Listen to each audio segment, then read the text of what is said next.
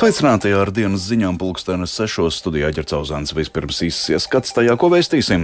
Arī otrajā instancē par vainīgo Zolitūdas traģēdijā atzīst tikai būvinženieru Sergetu. Policija aizdomas par krāpšanos ar Eiropas Savienības naudu Daugopils universitātē. Stoltenbergs kritizē Erdogan nostāju attiecībā uz Zviedrijas uzņemšanu NATO. Tenisists Ostapenko izstājas no turnīra Austrālijā, bet ASV izziņotas Oskara nominācijas. Par šiem tematiem turpinājumā plašāk.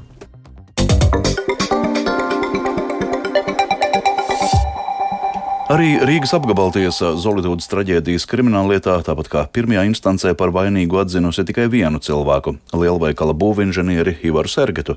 Pārējos astoņus tiesa attaisnoja. Novembrī apritēs jau desmit gadu kopš iebrukot lielveikala jumtam dzīvību zaudēja 54 cilvēki un vēl vairāki desmiti tika ievainoti. Plašāk Lindas Pundiņas ierakstā. Galīgo sodu Ivaram Sergetam noteikti brīvas atņemšanu uz sešiem gadiem, sešiem mēnešiem atņemot tiesības veikt atbildīgā būvkonstrukcija daļas vadītāja pienākumus uz pieciem gadiem. Rīgas apgabala tiesas tiesnese Iveta Vīgante šodien paziņoja apelācijas instances tiesas nolēmumu.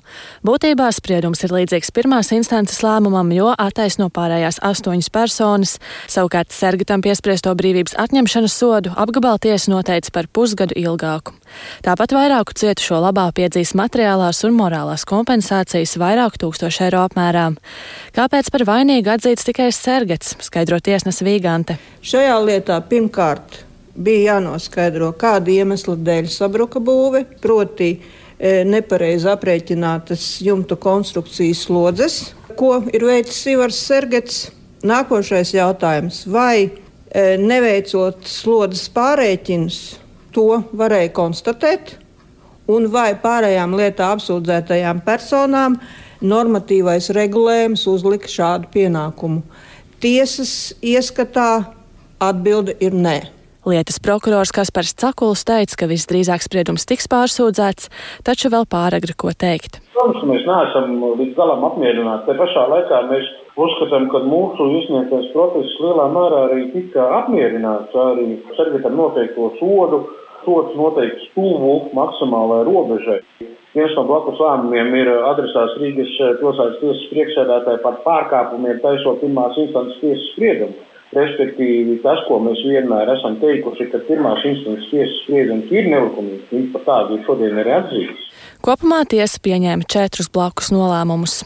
Tiesnesis Vīgants skaidroja, ka pirmās instances tiesa izmantoja tiesas sēdē atsevišķus nepārbaudītus pierādījumus, kā arī nepienācīgi tika atspoguļoti visi iesniegtie pierādījumi, galvenokārt liecinieku liecības. Tādēļ apgabaltiesai bija jātaisa jauns nolēmums. Ivara Sergeta aizstāvis advokāts Artūrs Veiselnieks saka, ka visticamāk spriedumu pārsūdzēs. Viedoklis jau nav mainījies attiecībā par, par šiem notikumiem, un līdz ar to nu, visdrīzāk pārsūdzēsim. Lai attaisnotu pilnīgi visus tiesai jābūt ļoti drosmīgai šajā lietā. Jā. Nu, te varbūt ir tāds vienkāršākais ceļš. Jā. Tiesas pilnais spriedums būs pieejams 7. februārī, pēc tam lietas dalībniekiem būs 20 dienas laika, lai spriedumu pārsūdzētu, tad Zolitūdas traģēdijas krimināla lieta visticamāk nonāks augstākajā tiesā. Linda Spundiņa, Latvijas radio. Traģēdijā cietušo biedrības Zolitūde 2111 vadītāja Regina Ločmela sacīja, ka spriedumu pārsūdzēs. Viņa intervijā programmā pēcpusdienas sacīja, ka sirdī izjūt rūgtumu par spriedumu. 54 cilvēki ir gājuši bojā, un ko spriež tiesa? Tiesa norāda ne tikai uz tā viena konstruktora Sergeta kunga vainu.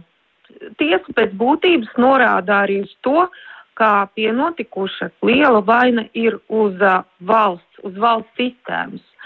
Jo kā var izveidot būvniecības, tādu būvniecības uzraudzības un kontrolas uh, sistēmu, kura viena cilvēka kļūdas dēļ iet bojā 54 cilvēki. Turpinām ar citām aktualitātēm. Valsts policijas ekonomisko noziegumu apkarošanas pārvalde sadarbībā ar Eiropas prokuratūru iepriekš sāktā krimināla procesā veica procesuālās darbības Daugopils universitātē, aizdomās par iespējamu krāpšanos ar Eiropas Savienības sociālā fonda līdzekļiem 600 tūkstošu eiro apmērā. Vairāk Silvijas smagars veidotajā ierakstā. Šajā pēcpusdienā Dāngāpus universitātē ritēja ikdienas darbs. Vienīgi nebija sazvanāma universitātes sabiedrisko attiecību nodaļa. Pēc neoficiālās informācijas tieši šajā nodaļā strādājošais Dāngāpus universitātes rektoras vietnieks attīstības jautājumos Jānis Kudiņš tiek minēts kā iespējamais galvenais figurants policijas uzsāktajās pārbaudēs. Es te visu dienu kabinetā un pie manis neviens nav griezies, nenācis. Dāngāpus universitātes rektore Irēna Kakina par kratīšanu vai kādām policijas darbībām augstskolā uzzinājusi no preses. No kolēģiem tikko uzzināju, ka jā, tiešām it kā notiekot kratīšana, bet kur kā neviens neko nerunā. Kabinetā sabiedrisko attiecību daļā, cik es varu noprast. Tikmēr policijā norāda, ka vairākas personas, tostarp augsta līmeņa mācību iestādes amatpersona, tiek turētas aizdomās par krāpšanu saistībā ar mācību iestādē piešķirto Eiropas Savienības sociālā fonda finansējumu, komentē valsts policijas pārstāve Ilza Jurēvica. Aizdomas ir par mākslīgi palielinātu publiskā iepirkuma specifikācijas izmaksu. Un šī izmeklēšana arī norāda uz iespējamu šo līdzekļu daļēju novirzīšanu uz uh, uzņēmumiem citās valstīs. Irēna Kokina Latvijas rādio atklāja, ka pēdējā laika universitātē nav realizēts neviens projekts par šādu summu, kāda tiek minēta saistībā ar šo lietu, bet uz šo mirkli zināms, ka šajā krimināla procesā ir aizturētas četras personas, un par šādu krāpšanas noziegumu draud līdz pat desmit gadiem ilgs ieslodzījums. Silvijas Smagara Latvijas rādio studijā Latgalē. No šī gada 1. jūlija plānots paaugstināt minimālā ienākuma slieksni un turpmāk to pārskatīs biežāk. To paredz valdībā atbalstītā reforma, kas skars ap 100 tūkstošiem iedzīvotāju, vairāk stāstīja Jānis Kīncis. Nabadzības riskam visvairāk pakļautie valsts iedzīvotāji no šā gada 1. jūlija saņems lielāku minimālo nodrošinājumu.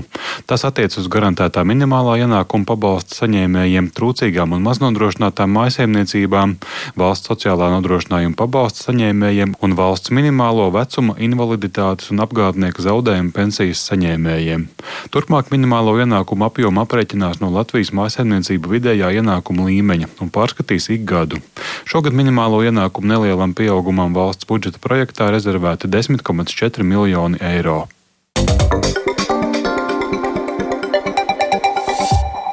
NATO ģenerālsekretārs Jens Stoltenbergs šodien kritizēja Turcijas prezidenta Reģepa Taipa Erdogana nostāju, ka Zviedrijai nevajadzētu cerēt uz Turcijas atbalstu uzņemšanai NATO pēc sestdienas akcijas, kad pie Turcijas vēstniecības Stokholmā tika sadedzināts Korāns. NATO ģenerālsekretārs intervijā Vācu telekanālā Velta sacīja, ka izpausmas un uzskatu brīvība ir gan Zviedrijas, gan citu valstu vērtīgi aktīvi, tāpēc šī nepiedienīga akcija nav automātiski nelikumīga. Turklāt Zviedrija akciju nepārprotami nosodījusi. Bet Somijas ārlietu ministrs PKH Visto bija spiests precizēt savus šī rīta izteikumus, ka gadījumā, ja Turcija turpinās bloķēt Zviedrijas uzņemšanu NATO, Somijai var nākties domāt par pievienošanos aliansē bez savas tuvākās sabiedrotās.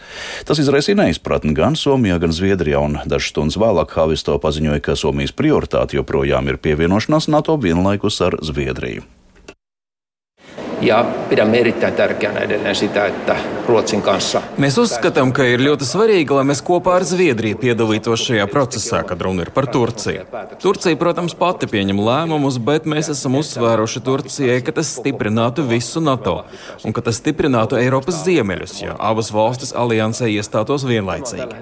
Mēs vienojamies, ka saglabāsim savu pozīciju. Abas valstis ir NATO kandidātu valstis. Protams, ka mēs esam apsvēruši scenārijus, ja kāda no valstīm valstīm netiktu uzņemta kā pastāvīga locekle.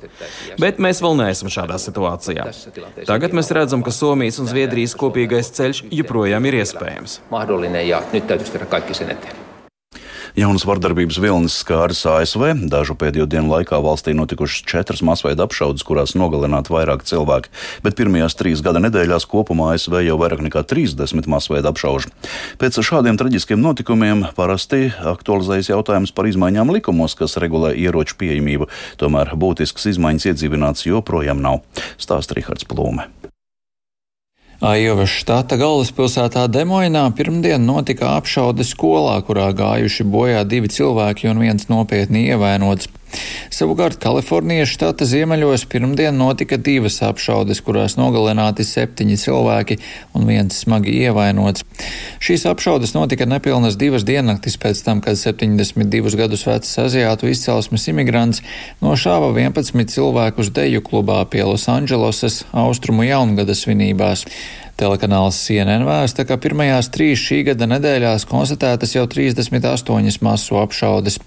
Saskaņā ar pētījumu, kas publicēts Amerikas Pediatrijas akadēmijas žurnāla Pediatriks 2022. gada decembra izdevumā, šaujamieroču traumas šobrīd ir galvenais nāves cēlonis cilvēku vidū, kas jaunāki par 24 gadiem. Pēdējo desmit gadu laikā visvairāk apšaudes notika 2021. gadā, to skaitam sasniedzot teju 700. Saskaņā ar kompānijas Gallup pērn oktobrī veikto aptauju aptuveni 45% pieaugušo ASV apgalvo, ka to mājasēmniecībā ir ierocis. Kalifornijas štata gubernators Gevins Ņūsams kritizējis labēji noskaņotos likumdevējus, vainojot tos bezdarbībā, tā vietā, lai atbalstītu stingrākus likumus. Lai gan pēc šāda veida traģiskiem notikumiem diskusijas par ieroču pieejamību valstī katru reizi aktualizējas, būtiskas izmaiņas nav notikušas. Laikā, kad ASV kongress ir sašķelts un politiķos joprojām valda ļoti atšķirīgi uzskati, jautājums par ieroču pieejamību un lietošanu aizvien ir ļoti jūtīgs. Prezidents Džo Baidens pirmdien mudināja kongresu pieņemt divus likumprojektus, ko virza trīs senāta demokrāti. Viens no tiem paredz aizliegt uzbrukuma ieročus un lielas ietilpības ieroču aptveres, bet otrs noteikt, ka ieroci nevar iegādāties jaunas personas, paaugstinot šo vecuma slieksni līdz 21 gadam. Rihards Plūme, Latvijas radio. Losandželosā šodien izziņoja ASV Kinokadēmijas balvas Oskars nominācijas. Līdere ir filma Viss visur vienlaikus, bet amerikāņu dzīvais kinoklasiķis Stevens Spilbergs kārtībā reizi izvirzīts balvai kategorijā Labākais režisors. Vairāk stāsta Tuldis Česbērs. ASV Kino akadēmija šogad jau 95. reizi pasniegs Oskara balvas par sasniegumiem kinomākslā aizvadītajā gadā. Tāpēc šodien izziņoja filmas, kā arī aktierus, režisorus, komponistus un citus māksliniekus, kuri pretendē uz prestižu apbalvojumu. Wang? Visvairāk nominācijas 11 saņēmusi filma Viss visur vienlaikus, kas ir absurda stilā ieturēta zinātniskās fantastikas komēdija drāma par veļas mazgātavas īpašnieci Evelīnu un viņas piedzīvojumiem paralēlajā pasaulē. Filmas galvenās varones lomas tēlotāja Mišela Jeo ir izvirzīta labākās pirmā plāna aktrises balvai. Nedaudz mazāk nomināciju deviņas ieguvusi Vācijā uzņemtā kara filma Rietumu frontē bez pārmaiņām, kuras scenārijam par pamatu ņemts rakstnieka Ērika Marijas Remarka tāda paša nosaukuma romāns. Deviņas nominācijas ieguvusi arī īru režisora Mārtiņa Makdonas uzņemtā traģikomēdija Inišerinas Banšī, kas pirms dažām nedēļām ieguva trīs zelta globusu balvas, ko pasniedz Holivudas ārvalstu preses asociācija. Makdona ir iekļauts starp filmdariem, kuri cīnīsies par Oskaru labākajam režisoram. Šai nominācijai devīto reizi ir izvirzīts arī Stevens Spilbergs, kurš ir viens no atzītākajiem mūsdienu amerikāņu režisoriem. Visus Oskaru ieguvējus uzzināsim 12. martā, kad Losandželosā notiks balvu pasniegšanas ceremonija. Uldis Česberis, Latvijas radio. Aļona Stapenko šorīt savā karjeras pirmajā Austrālijas atklātā čempionāta ceturdaļfinālā ar 2-6 un 4-6 zaudēja Kazahstānas tenisistei Jeļenai Ribakinai. Ceturdaļfināla sasniegšanu Stapenko dos 430 ranga punktus, kas ļaus pakāpties uz 11. vietu pasaulē. Turpin Mārtiņš Kļavinieks. Ostapenko savā pirmajā cīņā par iekļūšanu Melburnas turnīrā stoņniekā spēlēja labi, taču nepietiekami labi. Pretiniece servēja gandrīz izcili, izpildot 11 netveramās serves pret Aļonas vienu. Lai gan pirmā serve nedaudz precīzāka bija latvietei, pretiniece prāta punktos pārvērst ievērojami vairāk precīzo pirmo serviju. Nevar teikt, ka Ostapenko necīnījās, kā tas viņai nereti gadās, ja spēles sākums nepadodas. Šoreiz gan bija divi faktori, kas izjauca Latvijas pirmās raketas atspēlēšanās ritmu. Vispirms pirmajā setā bija nepieciešama pauze, lai izvilktu stadionu jumtu, bet vēlāk par sevi iespējams lika manīt nogurums. Aļona iepriekšējā dienā vēlu pabeidza jaukto dubultspēli, bet šodien jau no rīta bija jāizvada atbildīgākā spēle turnīrā. Lūk, kādus secinājumus Ostapenko izdarīja uzreiz pēc zaudējuma arī Bakinai. I mean, I just uh, try to move forward and Došos tālāk un centīšos aizmirst šodienas spēli pēc iespējas ātrāk. Jābūt gudrākai lēmumos, ko darīt dienu pirms atbildīgas spēles. Kopumā varu no šī turnīra paņemt tikai pozitīvo.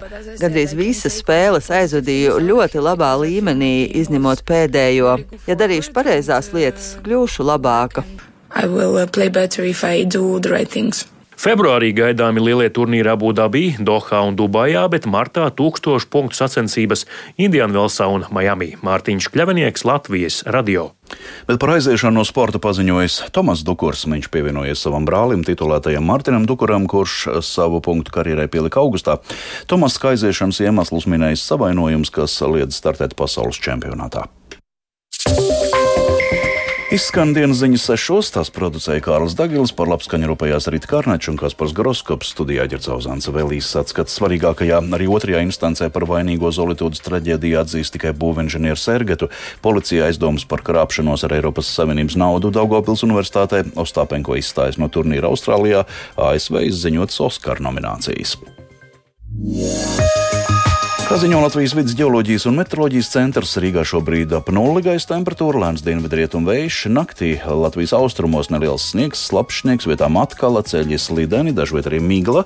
Mīnus 2,3 grādi dienvidu austrumos, mīnus 3, mīnus 5. Arī rītdienā vietām neliels lietus un slapjš sniegs arī atkal.